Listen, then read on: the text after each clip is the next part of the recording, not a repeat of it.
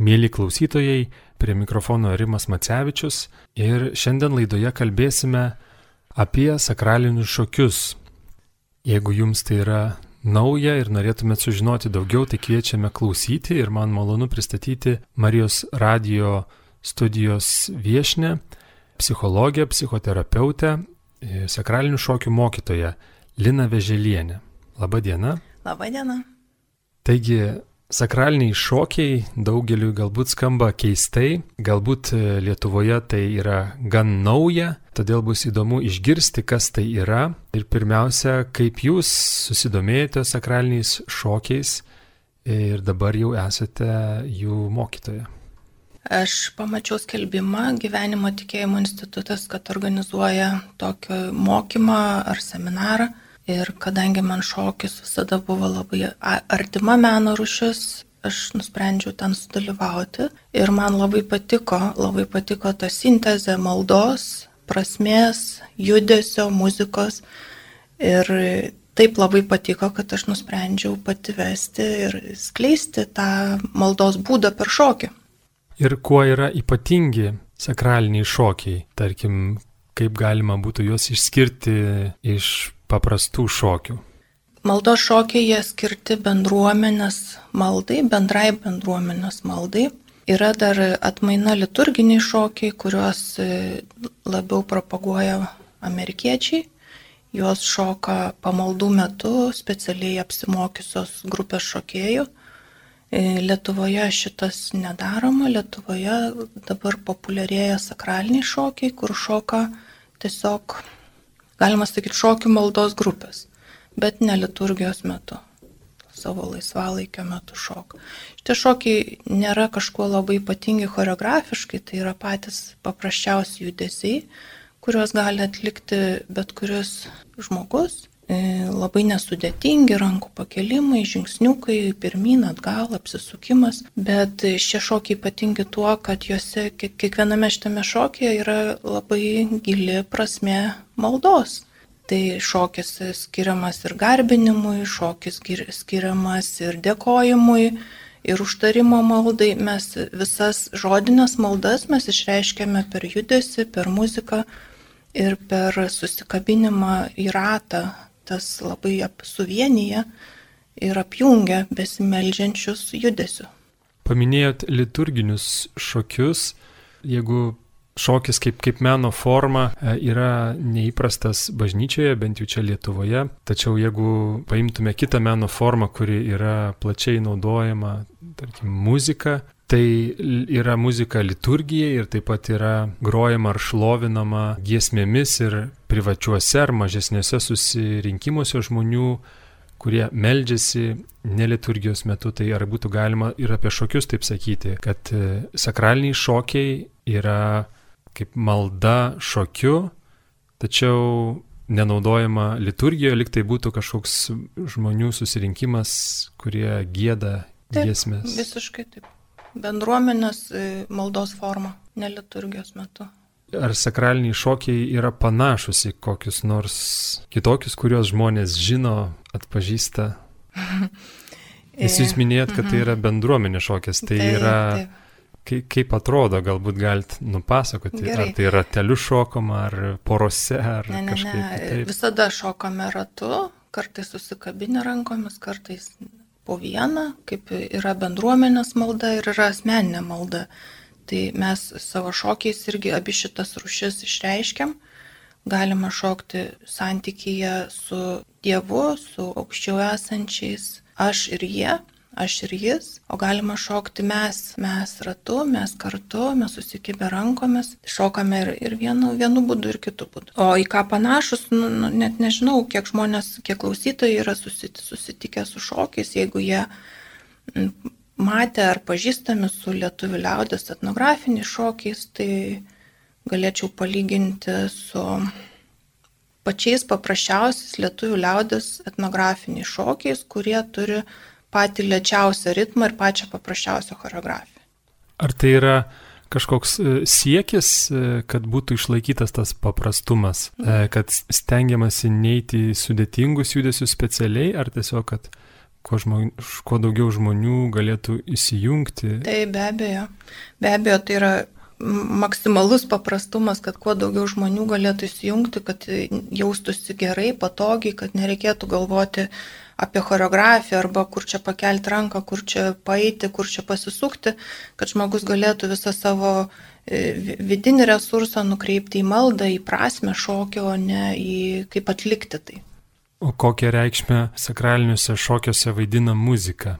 Pagal kokią muziką jie yra šokami? Yra, galima sakyti, sakrali muzika, gal nesutiksime tų giesmių, kurios liturgijoje girdime, bet visa muzika būna su žodžiais, be žodžių, bet, bet ji yra sakrali muzika, sakra, sakralios temos. Ir dar kuo pasižymė šitie šokiai, kad jie yra jų pradžia, jų sumanimo pradžia yra Filipinuose. Ten juos e, aprašė arba su, suformavo choreografijas tipinės Filipinų kunigas ir jam padėjo, padėjo šalia jo esantis asmenis, tai jie surinko tipinius, paprasčiausius šokius į vieną tokią knygą, kuria, pagal kurią ir moko gyvenimo tikėjimo institutas. Tai toje knygoje mes randame šokius pastatytus įvairi, įvairių tautų muzikos kontekste, ten ir graikiškas, ir žydiškas girdėsis ritmas, ir latviškas, ir lietuviško gal ir nebūtų, bet tai, ką girdime katalikiškame pasaulyje, kokių tautų muzikos atgarsius, viską galime rasti ir šituose šokiuose, net ir kažkoks tipinis judesys gali pasitaikyti, jeigu mes šokame pagal graikišką muziką arba pagal žydų tautos muziką. Lietuvoje tai sakyčiau gan nauja ir galbūt neįprasta, o jūs paminėjot Filipinus, didelę katalikišką valstybę, kaip yra visame kitame krikščioniškame pasaulyje. Taip pat jau minėjot Ameriką, kad ten yra net ir liturgijoje naudojami šokiai. Taip. Daugelis girdėję galbūt ir Afrikos pavyzdį, kad ten Taip. žmonės šoka. Taip. Koks yra tas sakralinių ar liturginių uh, šokių paplitimas krikščioniškame pasaulyje? Negalėčiau taip labai dokumentuotai ar argumentuotai sakyti, kad jis labai paplitęs, tiesiog remiuosi tuo, kad e, įvairios muzikos panaudotos buvo šok, šitam šokių rinkiniui sudaryti. Yra jame, tarp kitko, ir trys afriki, afrikietiški šokiai, afrikietiškais motyvais muzika skamba. Tai jeigu paieškoti suvedus būtent kažkokio šokio pavadinimą į ar socialinius tinklus, ar, ar Google programą, ar YouTube programą, mums atsiveria ir kiniečiai šoka tą patį šokį, ir filipiniečiai tie patys šoka tą patį šokį pagal tą pačią muziką, pagal tą pačią choreografiją. Tai, tai galima teikti, kad visur žmonės jos šoka. Tai nėra, ar čia Lietuvoje sugalvota, ar, ar čia aš asmeniškai sugalvojau choreografiją ir parinkau muziką, taip nėra jie yra tipizuoti ir pasklidę gan plačiai. O ką šventasis raštas byloja apie šokį? Mhm. E, ten liktai yra tokių eilučių, galbūt e, jūs domėjotės ir galbūt e, mhm. remiatės švento rašto vietomis. Taip. Šlovinkime viešpati savo kūną, savo šokiu, Tikrai yra ne, ne viena vieta, kur minimas šokis, kur minimas šlovinimas viešpaties ir malda visų kūnų, ne tik, ne tik instrumentų kažkokiu, tai ne tik balsu, bet judesiu. Tai tikrai, jeigu skaitytojai įdomu, gali, gali rasti ne, ne vieną citatą. Minėjote, kad šokio judesiai, pats šokis perteikia prasme, perteikia sakrales reikšmes. Ką tai reiškia? Galbūt galėtumėt pateikti kokį pavyzdį, mhm. kaip kažkokia konkreti reikšmė ar, nežinau, sakinys ir kokios tos reikšmės būna, vat, gal galėtumėt pasakyti ir kaip mhm. jie perteikti šokiu. Yra e, šokiai, kuriuose mes e, kreipiamės viešpatė, aišku, mes nesakom žodžių, bet mūsų tas viešpatė, mes keliam rankas į viršų ir e, nukreipiam žvilgsnį į viršų ir sakom viešpatė, aš tave garbinu, mes sudedam rankas ties krūtinė ir lenkiamės žemyn. Mes e, savo žodžius įdedam į kūno judesi ir tas e, įsijautimas, pajautimas tos maldos žodžių, tos reikšmės jis yra daug stipresnis, nes parodom ne tik savo, mes parodom ir aplink esantiems. Jeigu mes garbinam viešpat ir keliam rankas į viršų, tai mes įkūnijam savo garbinimą. Jeigu mes lenkiamės žemai ir dėkojam, tai mes lygiai taip pat įkūnijam savo padėką. Tas yra daug ryškiau jaučiama ir išgyvenama nei tik tai mintise dėkojimas, mintise šlovinimas. Mėly Marijos radio klausytojai, šioje laidoje kalbame apie sakralinius šokius ir apie tai mums pasakoja studijoje besisvečiuojanti sakralinių šokių mokytoja, psichologė, psichoterapeutė Lina Veželienė. Kodėl apskritai šokis judesys yra svarbus žmogui? Mano manimu, be galo svarbus ir šokis, ir judesys, todėl kad mes gyvename kūnuose, kurie juda.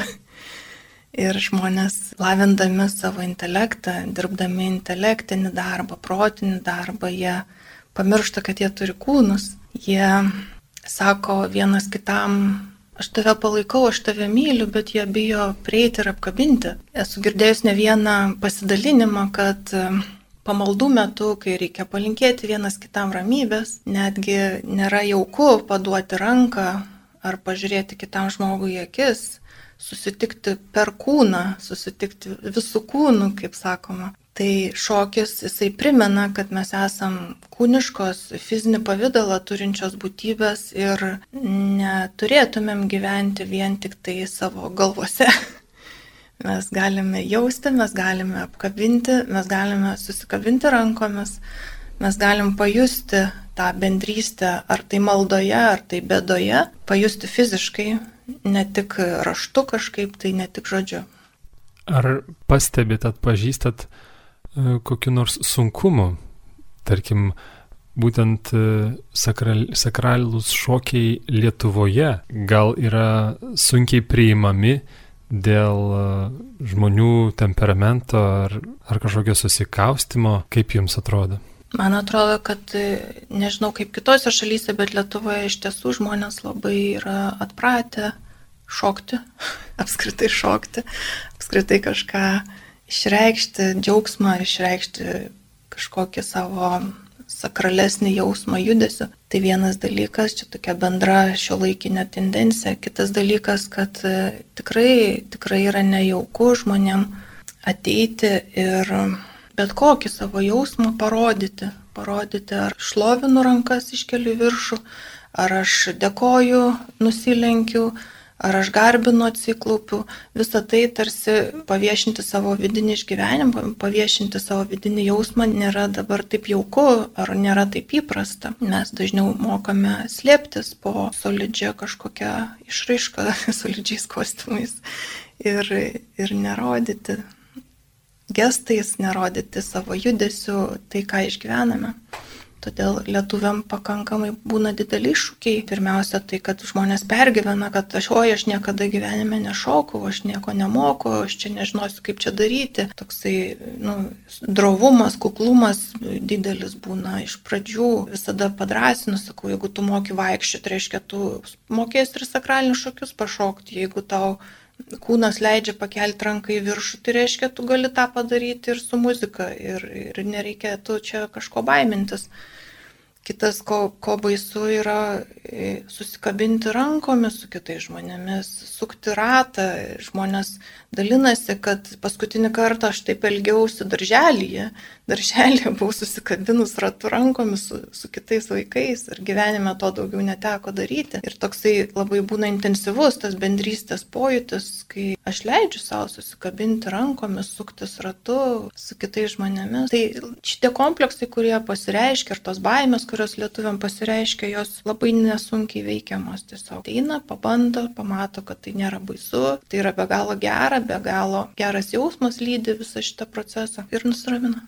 Minėjot solidžius kostiumus ir taip pat, kad žmonėms tai asocijuojasi su darželio patirtimis. Ar, ar šokiai leidžia šiek tiek vėja vaikiškumo ir vaikiškumo galbūt pajusti, e, tapti labiau vaikais, E, paprastumo kažkokio tai patirtį išgyventi. Be abejo, jeigu jau tą sekti kvietimą, tapkite kaip vaikais, būkite kaip vaikais, tai šokiai labai atliepia šitą kvietimą, nes mes iš tiesų turim kažkaip išsinerti iš tų savo futliarų, iš tų kostiumų, tiesioginė ir netiesioginė prasme, ir vėl suktis ratu, vėl išreikšti savo įvairiausius patirtis, įvairiausius jausmus, išreikšti kitų akivaizdoje judesiu, kai labai aiškiai matosi, ar, ar aš džiaugiuosi, ar aš liūdžiu ir nebesislėpti už kažkokių solidžių orių kaukių. Koks yra susidomėjimas e, sakraliniais šokiais, kas juos lanko ir kokios žmonių patirtis būna jau, jau palankius ar tik pradėjus lankyti tokius sakralinius šokius, kuriuos jūs mokote? Lanko daugiausia moteris, yra buvę vienas, du vyrai ateina į grupę, bet amžius yra labai įvairus, yra ir jaunų merginų, yra ir visiškai pagyvenusių moterų, nes dar kartą sakau, tie šokiai labai paprasti yra, visiškai įmanoma juos šokti ir žmogui, kuris, kuris vyresnio amžiaus.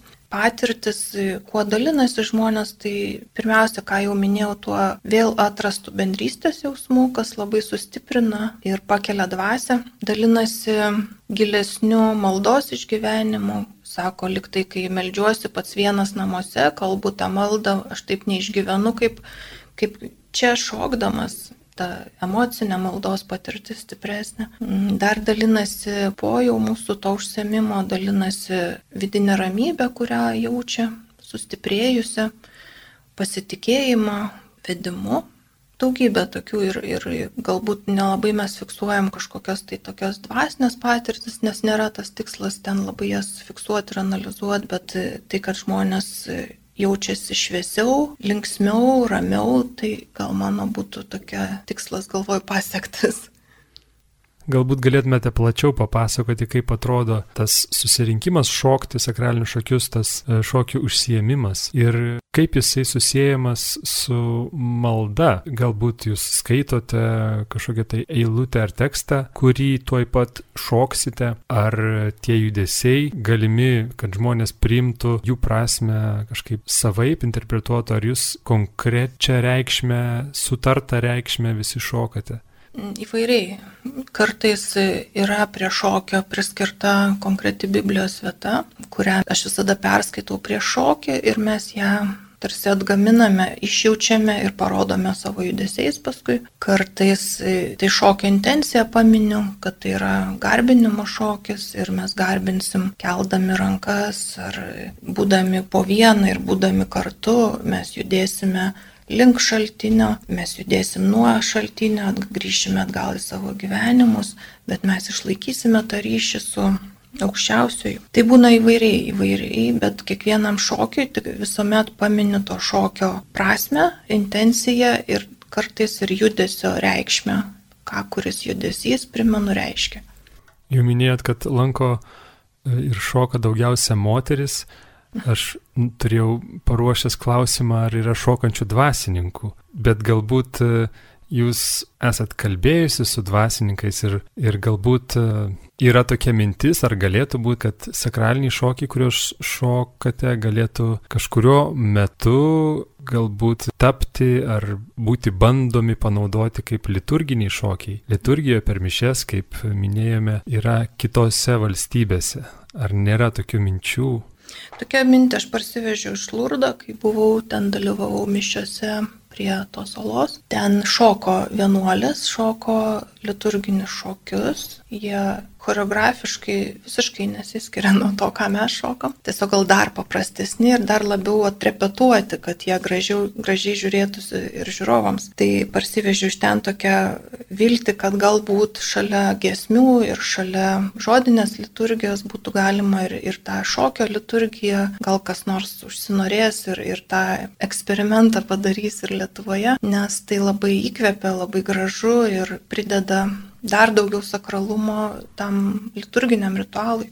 Kol kas negirdėjau, kad tas būtų daroma. Vedžiau porą metų, vedžiau šokius Švento Jono brolių vienuolynę, tai broliai ateidavo pašokti. Po vieną, kartais du ateidavo pašokti ir jie būdavo visai patenkinti tą savo patirtim. Bet apie šokančius kunigus Lietuvoje nežinau.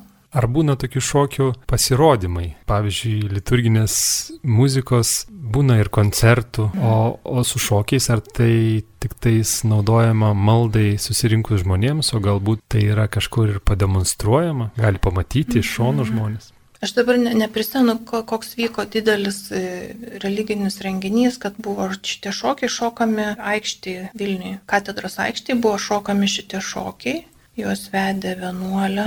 Nu, va, mano informacija tokia ne visai tiksli, bet žinau, kad tas buvo daroma viešai. Tai galima būti vadinti pasirodymu, bet iš tikrųjų jie, tie šokiai neskirti pasirodymui, nu kaip ir malda, jinai neskirta pasirodymui. Ar gesmė, kurią melžiamės, nu jinai neskirta pasirodymui, gal malonaus įklausyti, galbūt būtų malonu akiai girdėti, bet, bet tai tikrai, nu aš tai nenorėčiau to matyti kaip pasirodymo ar koncerto kaip žmonės išmokė tokių šokių, šokdami juos bendruomenėje, kaip jūs sakėt, kad tai yra bendruomenės malda, kaip gali paskui juos naudoti kažkaip savarankiškai, ar jie visiškai nėra skirti asmeniniai maldai? Yra, yra šokių, kurie skirti asmeniniai maldai. Žmonės e, bešokdami jie išreiškia pageidavimą, gal gali duoti muziką, aš prijungsiu prie savo asmeninės maldos namuose, kai melžiuosi ir jie tos judesius pagal muziką jie atlieka ir panaudoja maldai namuose. Kai kurios šokius, kurie, kadangi tai yra bendruomeniniai šokiai, kai kurie iš jų yra tokie tiesiog išreiškiantis abstraktų džiaugsmą gyvenimo, abstraktų dėkingumą už tai, kad aš esu čia, šiame kūne, šiame pasaulyje, kad aš esu sukurtas ir aš priklausau šitai kūrinyjei, tai tokius šokius netgi aš esu vedusi vestuvių metu, kai šoko jaunieji ir jų visa palyda jos šoko. Tai mes dėkojame už tą šventę, dėkojame už tą, kad esame čia kartu. Tai nebuvo tokia jau sak sakrali gili malda, bet tarp visų šitų šokių yra ir tokių kuriuos galime šokti šeimos šventės metu, kažkokios reikšmingos, kaip ir vakrikštynos, galime mes, yra vienas šokis, kur laiminam jubilijatą, galim laiminti jaunuosius. Bet kaip bendruomenė yra užtarimo malda, mes galim kažkokį žmogų turėti rato centre ir, ir šokti tą užtarimo maldą jam. Tai, tai galima daug plačiau pritaikyti, bet ne visus tada jau išsirinktinai reikėtų kur susidomėję žmonės galėtų kreiptis, ar galėtų pamatyti ir gal kažkokį tai paskatinamą į žodį, palinkėjimą klausytojams galėtumėt pasakyti. Linkiu išbandyti įvairias maldos formas, linkiu nebijoti melstis visų kūnų bendruomenėje, nes gera tai daryti, labai daug šviesos tame, labai daug palaimos. Ir aš pati vedu šokius kiekvieną mėnesio paskutinį penktadienį, Čia visai netoli šitos studijos, Trasdelio gatvėje. Išsamesnė informacija, jeigu apie šokius norit sužinoti, tai ją galite rasti mano Facebook puslapyje, Anima Horus vadinasi. Taip pat, jeigu susidomėjot ir norėtumėt vesti savo bendruomenę tokius šokius, tai Gyvenimo tikėjimo institutas jis periodiškai organizuoja mokymus, galima pasiekti jų, jų puslapį ir jų informaciją ir, ir tapti mokytojų sakralinių šokių arba vedančiuoju bent jau, taip kukliau būtų vadintis. Tai tiek turbūt informacijos ir paskatinimo. Ačiū Jums, gerbiama Lina, kad atėjote pasidalinti apie šį galbūt mažai įprastą Lietuvoje reiškinį ir maldos formą, sakralinius šokius. Mėly klausytojai, su psichologe, psichoterapeute, sakralinių šokių mokytoja Lina Veželienė kalbėjomės apie sakralinius šokius čia Vilniaus Marijos radijos studijoje. Toliau jūsų dėmesiui nuotoliniu būdu įrašytas pokalbis su kunigu Kestučiu Palikša apie šokį liturgijoje. Įvairios meno rūšis, kurias galime matyti pasitelkiant liturgijoje, e, dažnai yra ryškios, e, siekia labai aukštą lygį ir tarsi liudyja dieviškumą. Tai įstabios architektūros šventovės, liturginiai rūbai, E, muzika, dailė, skulptūros, įvairūs girdimi tekstai. Tačiau viena iš menų rušių, kuri, sakytume, nenaudojama liturgijoje, yra šokis. Kodėl taip yra, ar taip susiklostė natūraliai, ar galbūt tai samoningai nuspręsta, galbūt tik mūsų kultūroje to nėra, o kitų kraštų katalikai šoka liturgijos metu. Iš ties čia galima pradėti nuo tokio tokios savokos, pačios savokos liturgija. Ir tai nėra liturgijos apibrėžimas, bet tiesiog kaip galime ją pavadinti, kad tai yra teologija veiksme, teologija išreikšta e, liturginiu veiksmu, būtent to, kas, to, kas vyksta. Ir ji vyksta, aišku, tam tikrame kontekste, tiek bendruomenės kontekste, tiek ir, aišku, fizinėje aplinkoje, ką jau paminėjote, ir paveikslai, ir architektūra, ir liturginiai drabužiai, ir tekstai, visa tai yra, egzistuoja ir skirta, na, išreikšti irgi žmogaus santyki su Dievu, galime taip pasakyti. Tai e, iš ties e, gali tikrai kilti pagristas klausimas, kodėl būtent šokis nėra laikomas galbūt tinkamu, ar kodėl jisai na, nenaudojamas išreikšti tam santykiui su Dievu. Ir čia, na, reikia galbūt šiek tiek nukeliauti ir istoriškai gan toli ir pasiekti pačią krikščionybės pradžią. Iš ties tyrinėtojų yra manoma, kad pirmaisiais amžiais galimai e, krikščionys na, buvo integravę į savo maldas, viešas maldas, e, šokius, galbūt paimtus iš e, hebrajų kultūros, iš judaizmo tikėjimo. E, ir taip pat, kadangi tuo metu, tais pirmaisiais amžiais buvo ir visokių aplinkui pagoniškų kultų, ne hebrajiškų ir nekrikščioniškų, tai manoma, kad tuose pagoniškose kultuose gan intensyviai buvo naudojama šokio išraiška.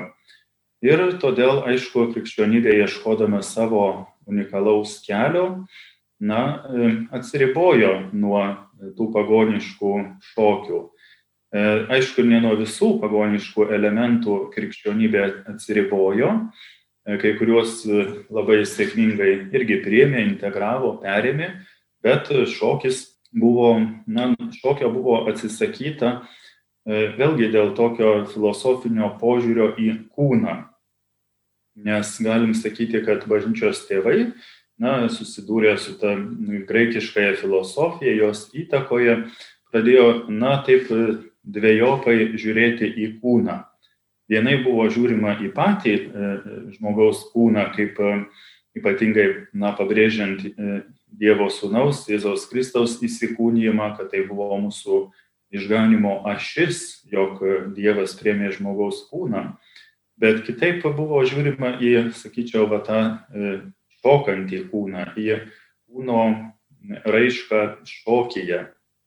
Ir čia jau buvo bažnyčios tėvų rašoma apie tai, kad na, jau reikėtų kažkaip tai tą kūną sutramdyti, nes jis yra ir kartu ir nuodėmės vieta, kur, kur, kur žmogus kūnu padaro ir nuodėmės. Taigi ta e, netgi liturgija, sakyčiau, pakrypo tokio kūno santūrumo keliu. Ir kuo toliau, tuo labiau buvo pabrėžiamas kūniškasis santūrumas viešoje maldoje. Tai šokis, kadangi toks yra na, tokia radikali ekspresija, ypatingai jeigu toks judresnis gal, tai tiesiog buvo jo atsisakyta būtent dėl tos priežasties, kad kūnas yra vertingas, labai, kaip sakant, ir Dievo įvertintas įsikūnymo, bet jį reikia taip pat ir labai valdyti, tai kad būtų išvengiama tų tokių, nežinau, ar tai labai na, per didelių ekspresijų buvo šokis tiesiog eliminuotas iš, iš krikščioniškojo kulto. Ir tai pasiliko per, per ir viduramžius, ir iki pat va, 20-ojo amžiaus, kur Vatikano antrasis susirinkimas įvertino įvairias meno rūšis, bet būtent šokio nepaminėjo. Konstitucija apie liturgiją yra pasakyta ir apie muziką, ir apie instrumentus, ir apie E, liaudės kultūrą, liaudės pamaldumą, bet visgi ne, nebuvo paminėtas e, šokis. Ir tik tai dar vėliau, kai dar labiau buvo na, padaryta daugiau tyrinėjimų įvairių kultūrų, ne tik tai to, ką mes vadiname vakarų Europos kultūra, kuri na, tiesiog susitapatina su Romos ryto liturgija, bet atlikus daugiau įvairių kultūrų tyrinėjimų buvo pamatyta, kad na, tam tikrose kultūrose raiška šokiu yra labai na, natūrali, labai tokia artima visai, visai liaudžiai ir buvo vėlgi susimastyta, gal, gal tai reikia įvertinti. Tai vadinama tokia savoka inkultūracija, kada e, krikščioniškasis tikėjimas, katalikų tikėjimas susiduria su įvairiomis kultūromis ir ieško raiškos būdų, taip pat ir liturgijoje, kurios labiausiai atitiktų, tie būdai labiausiai atitiktų būtent tiek tikėjimą, teologiją, tiek ir tą kultūrą. Tai čia jau pamažu atsivėrė tokios galimybės, na, ypač gal sakyčiau Afrikos ir kitose kultūrose, kur buvo pastebėta, jog šokis ten yra toks įgimtas, prigimtas e, dalykas ir tokiu būdu na, įvertinta tų kultūrų savitumas ir pamažu, pamažu yra jau tam tikrų pavyzdžių, jeigu bus įdomu, galėsiu ir paminėti, na, kokiu būdu šokis jau e, įžengia į tą kultūrą. Tai žodžiu, čia yra vėlgi šio laikinėje bažnyčioje yra du tokie keliai. Vienas dalykas yra būtent, na, tas, tas ta vakarietiška kultūra, čia yra viena, kaip sakant, istorija ir kita istorija yra su tomis kultūromis, kurios, na, kuriams labai būdingas šokis. Tai minėjot pavyzdžius, kur galėtumėt paminėti, tikrai labai įdomu. Kokie tie pavyzdžiai? Tai e, vėlgi vienas iš to, tikrai, gal pasakyčiau, vienintelis toks oficialus e, pavyzdys, tai yra vadinamasis e, Zairo rytas arba e, Kongo mišiolas, e, kur, kuriame yra būtent viena tokia rubrika, nusakanti šokio žingsnius per atnašų procesiją mišių liturgijoje. Tai yra 1988 metais paruoštas ir išleistas mišiolas, būtent skirtas tam tikrai kultūrai, tam tikrai bendruomeniai, kurioje buvo na, pamatyta, kad, kad visos apėgos yra ne, neatsiejamos nuo šokio, ar tai būtų e, krikštynos, ar tai būtų vestuvės ir netgi laidotuvės, toje kultūroje būtent tokie na, vieši E, ritualiniai, apeiginiai e, susibūrimai būtent natūraliai išreiškiami šokiu. Tai tiesiog, sakau, jau ten ir kitų yra dar elementų įvairiausių iš tos kultūros paimtų, bet būtent suderintų su krikščionišku tikėjimu. Ir čia, sakau, yra, aišku, ten ir, ir daugiau, plačiau yra šokis naudojamas, bet tiesiog va, teko ir literatūroje rasti, kad e, ta būtent rubrika apie atnašų procesijos šokio žingsnelius yra e, pacituota. Ir taip pat dar galima pasakyti, kad tikriausiai yra tam tikros vilties toms kultūroms, kadangi e, po Amazonijos sinodo, po sinodinėme dokumente irgi yra paminėta, jog liturgijoje buvo na, pradėta inkulturacija, taip sakant, atkreiptas dėmesys į inkulturaciją ir tame postinodinėme dokumente konstatuota, kad iki šiol tai nebuvo labai na, stipriai pasistumėję, bet išreikšta ir viltis, kad e, bus ateityje tai spartesnis procesas ir įvairios kultūros galės būtent joms būdingų būdų švęsti liturgiją, kaip kad yra tas, tas, tas Kongo mišiolas nustato tokį džiaugsmingą e, šventimą labai tikriausiai skirtinga nuo to, ką mes esame įpratę matyti Lietuvos bažnyčiose.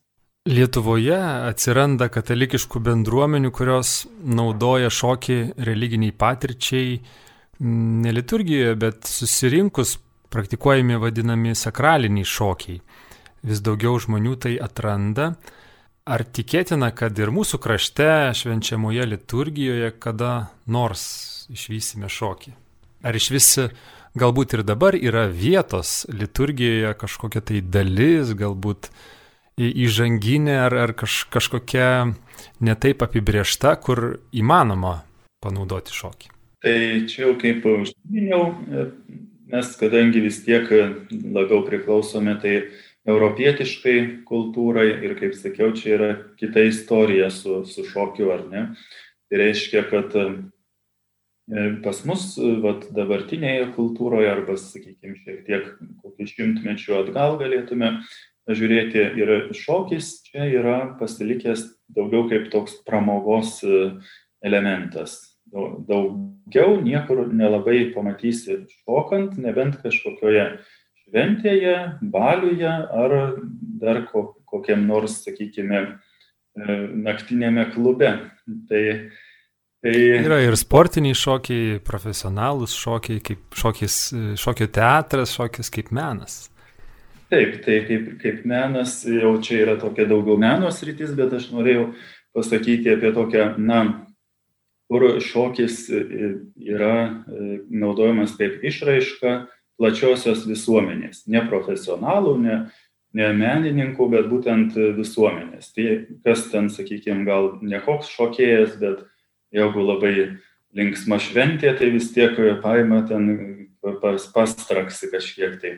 Tai žodžiu, turiu mintyje tą, kad plačiosios visuomenės gyvenime šokis yra likęs daugiau vat, kaip tokiame pramogos, pramogos srityje. Tai todėl, na, yra tokia problematika, kad jeigu tiesiog irgi e, liturgijos tie teoretikai, teologai, kalbėdami apie šokio e, vietą arba galimybę surasti vietos e, liturgijoje, būtent va, europietiškoje, vakarietiškoje kultūroje, kalba apie tai, kad vienas dalykas šokis nėra na, toks e, prigimtas e, dalykas, e, prigimtas elementas visuomenės gyvenime.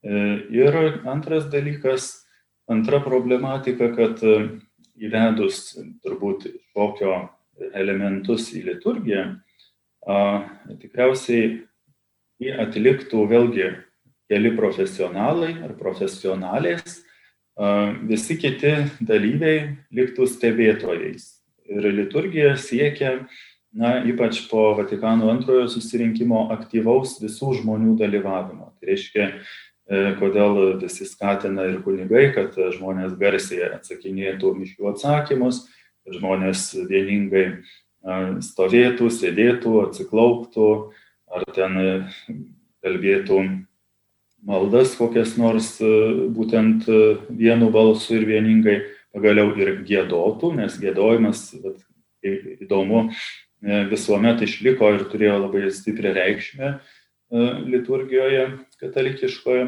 bet, e, bet šokio, ypač to atliekamo profesionalų atveju, daug žmonių pasiliktų stebėtojais ir na, pasiekti tai, kad visa bendruomenė kažkaip šoktų, tai labai sunku. Aš prisimenu, vienas kunigas jau gal prieš kokių 10-15 metų sugrįžo iš kažkokios šalies, kur žmonės labai tokie buvo, ar tai buvo Latino Amerikos kažkokia šalis ir buvo ten suvažiavimas. Ir jisai pasakojo, kaip ten vienas kalbėtojas, ar tai ten dvasininkas, žmonėms sakė, šaukime dabar visi kartu Jėzus, šaukime visi kartu Mariją ir žmonės puikiausiai šaukė. Ir pabandė čia Lietuvoje savo bažnyčioje tokį pritaikyti. Tai sakė, na tai šaukime visi Jėzus, ir žmonės sėdi visi tyli. Tai, žodžiu, kalbant vat, apie ir šokį, tai sakau, jisai galėtų įeiti, jeigu tai būtų natūralu visai, visai na, bendruomeniai, visai tai kultūrai, na, neliktų daug žmonių tik tai profesionalaus to, sakyčiau, baleto tokio stebėtojais. Ir galbūt paskutinis klausimas. Tie šokiai, tie neliturginiai, bet sakraliniai šokiai, tai kaip žiūrėti, tarkim, jeigu liturgija taip apibrėžia e, ir galbūt parodo, kas yra tinkama, kas ne, kaip žiūrėti į tuos šokius, kurie ar į tą maldos formą, į tas praktikas, E, kur žmonės e, susirinkę meldžiasi, praktikuoja, bet tai nėra liturgija. Tai iš tiesų, vat, prisimenu, teko kartą skaityti apie vieną seminaristą iš Indijos, kuris studijavo Italijoje. Ir jisai e, yra pasakojęs apie save, kad jisai savo kambaryje, melsdamasis, šoka. Pats vienas šoka, nes tai yra irgi jam e, tokia įgimta išraiška, na, raiška Dievo akivaizdoje arba maldos raiška, arba kokie nors ten gestai per, per tėvę mūsų, kur irgi įtraukia kūną. Tai vėlgi noriu akcentuoti tai, kad šiuolaikinė irgi ir, ir liturgija, ir teologija tikrai ne, nemenkina kūno ir kūno išraiškų. Tikrai e, šokis pats kaip toks, jisai nėra problematika net ir liturgijoje. Tai nėra problema. Tai yra tik tai problema e, tada, kai susidurėm su konkrečia kultūra. Ir šokio e, vieta, šokio reikšmė konkrečioje kultūroje, bet pats šokis kaip, kaip menas ar netgi kaip malda tikrai nėra niekaip smerktinas. Ir jeigu žmonės, na, įvairiom, sakykime, ar tai pantomimomis, ar, ar dar kokiais kitais e, šokiais netgi va, išreiškia savo, na, maldingą būseną ar kartu būtent pajaučia tą tokį Dievo artumą, sakykime, tame e, sinchroniškame judesyje, tai tikrai nėra, nėra nieko tame blogo ir, ir puikiausiai tai gali būti daroma, aišku, reikia tam tikro budrumo gal, kad e, nepavirstų tai į, e, na, kaip sakiau, tuos pagoniškosius kultus, kur buvo siekiama kažkokios ekstazės E, reiškia, tais ritmingais judesiais ir garsais. Tai šito, aišku, reikia būdėti, kad ne, neatsitiktų, nesusidurtume su tuo, bet e, tikrai, kam yra tai artima arba kas nori išbandyti, e, kaip sakyti, protingų žmonių vadovaujami, tikrai gali tą daryti. Ačiū labai Jums, kunigė Kestuti, mėly klausytojai, liturgijos licenciatas kunigas Kestutis Palikša pasidalino mintimis ir žiniomis apie šokį liturgijoje. Ačiū uždėmesi šiai tikėjimo ir kultūros laidai.